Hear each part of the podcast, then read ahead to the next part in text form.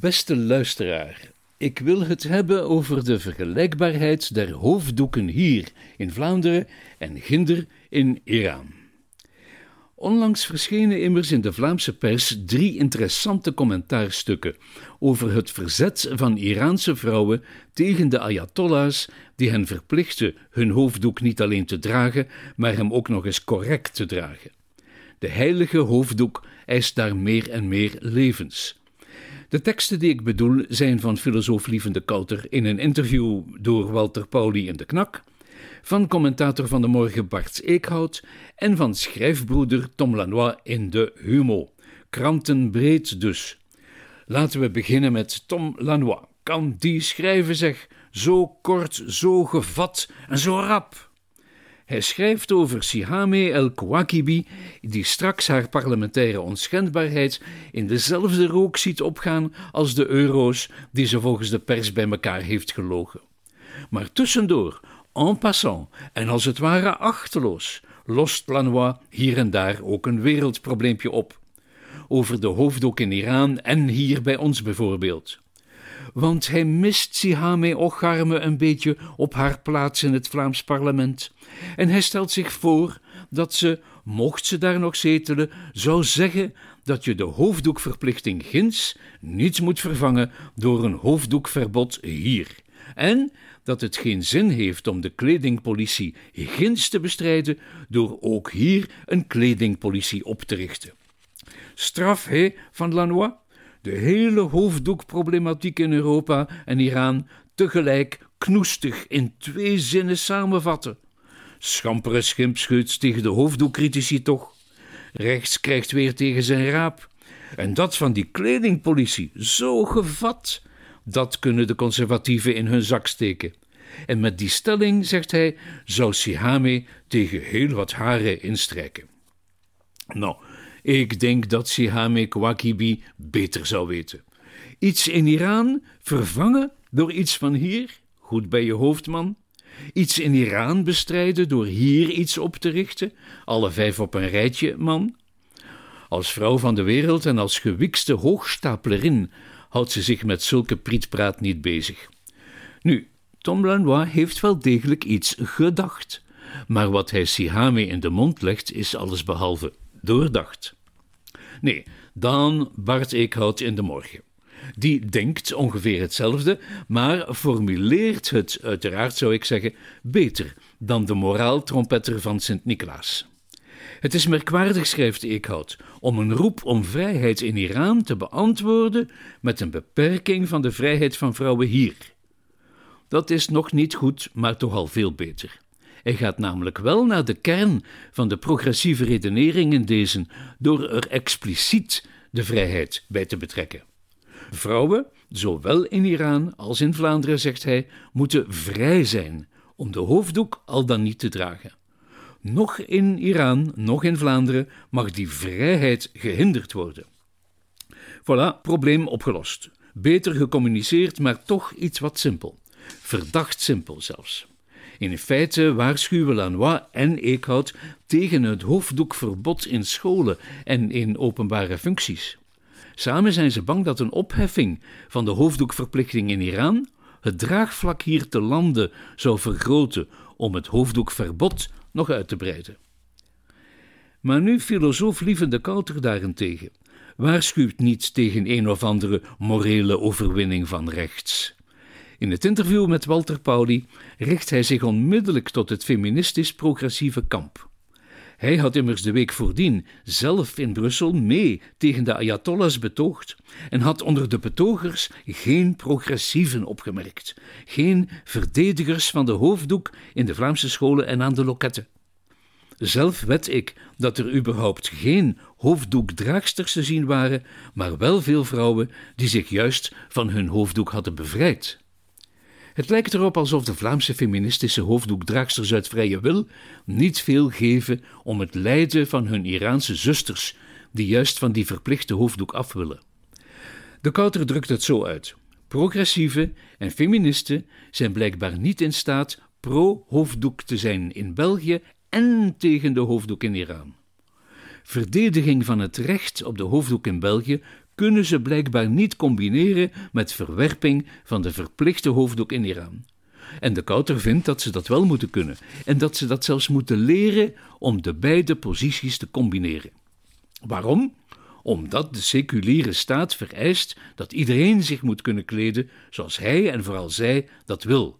Omwille van de vrijheid dus, zowel in moslimlanden als in het Westen. Opnieuw dus die ene vrijheid. Dus de vrijheid in het algemeen. En toch dacht ik uit de vermelde citaten begrepen te hebben dat het om twee soorten vrijheden ging, die echter door Eekhout, Lanois en vragesteller Pauli bij de Kouter als één vrijheid worden gedacht. Zou dat nu kloppen? Dat de vrijheid om hier een hoofddoek te dragen dezelfde vrijheid is als die om daar ginds de hoofddoek af te werpen? Menen ze dat nu, dat vrouwen in Vlaanderen even terecht, ik citeer Bart Eekhout, even terecht hun vrijheid willen behoeden als dat vrouwen in Iran dat willen? Wie zoiets beweert is toch van de wereld af, in die zin dat hij niet terugkoppelt naar die bloederige realiteit in Iran. Het argument van de ene en dezelfde vrijheid wordt hier gereduceerd tot een knoert van een sofisme. Willen namelijk de geteisterde vrouwen in Iran af van de onmenselijke hoofddoekdwang, dan hebben ze geen andere keuze dan hun negatieve vrijheid te bevechten met bloed, zweet en tranen af van die hoofddoek. Negatieve vrijheid betekent bevrijd te worden van dit materiële symbool van lijfelijke onderdrukking.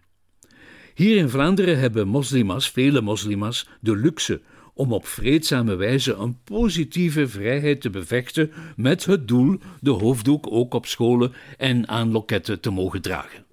In de publieke ruimte hebben zij die vrijheid hier al. Maar hun Iraanse zusters moeten juist op hun hoede zijn voor wat ze in de publieke ruimte dragen, want dat is het hele punt van de politieke islam. Islam. Die naam is in mijn stuk hier nog niet gevallen.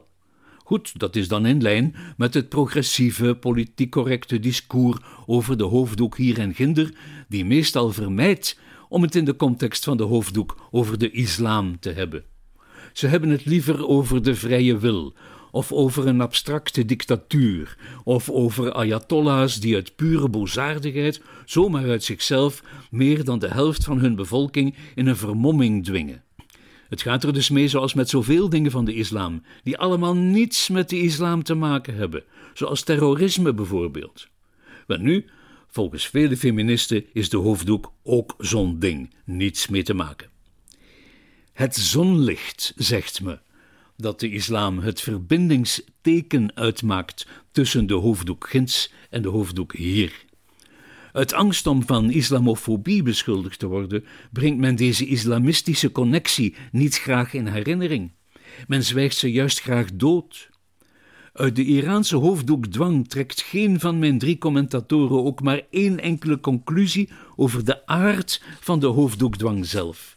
Dat het om een islamhoofddoekdwang gaat, wordt in de pers zelden toegegeven.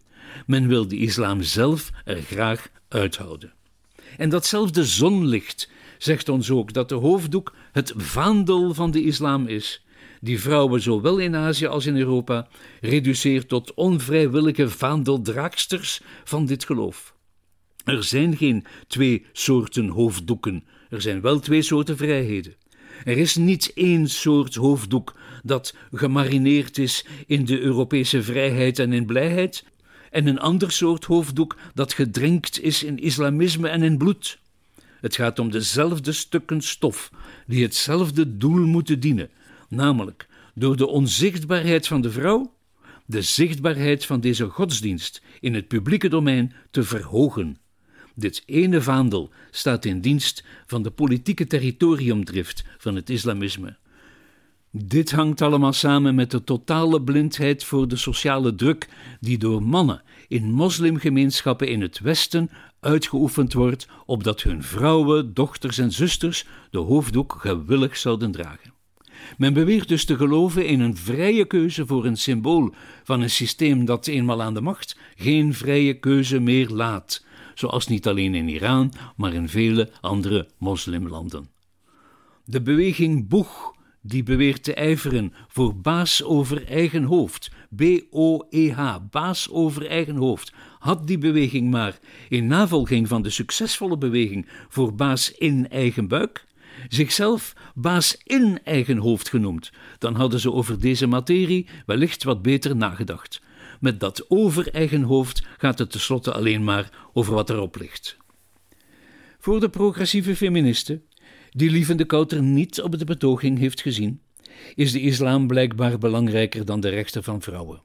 Hen is de vergoelijking van het politieke islamisme dierbaarder dan een noodzakelijke vrouwenbevrijdingsbeweging. Op het einde van zijn interview poneert Walter Pauli een stelling, namelijk dezelfde als die van Bart Eekhout en van Tom Lanois. Ik citeer: De overheid hoort in België niet te bepalen hoe een vrouw zich kleedt en in Iran evenmin. Einde citaat, maar onnadenkend en met hetzelfde sofisme. In drie woorden geeft Lievende Kouter dat snel toe, waarna hij als de beste al zijn voorbehoud bij de hoofddoek aan zich formuleert. Diep in mijn hart ben ik tegen de hoofddoek, laat hij Walter Pauli optekenen. Nu moet Lieve nog slechts de connectie maken tussen zijn hart en zijn verstand.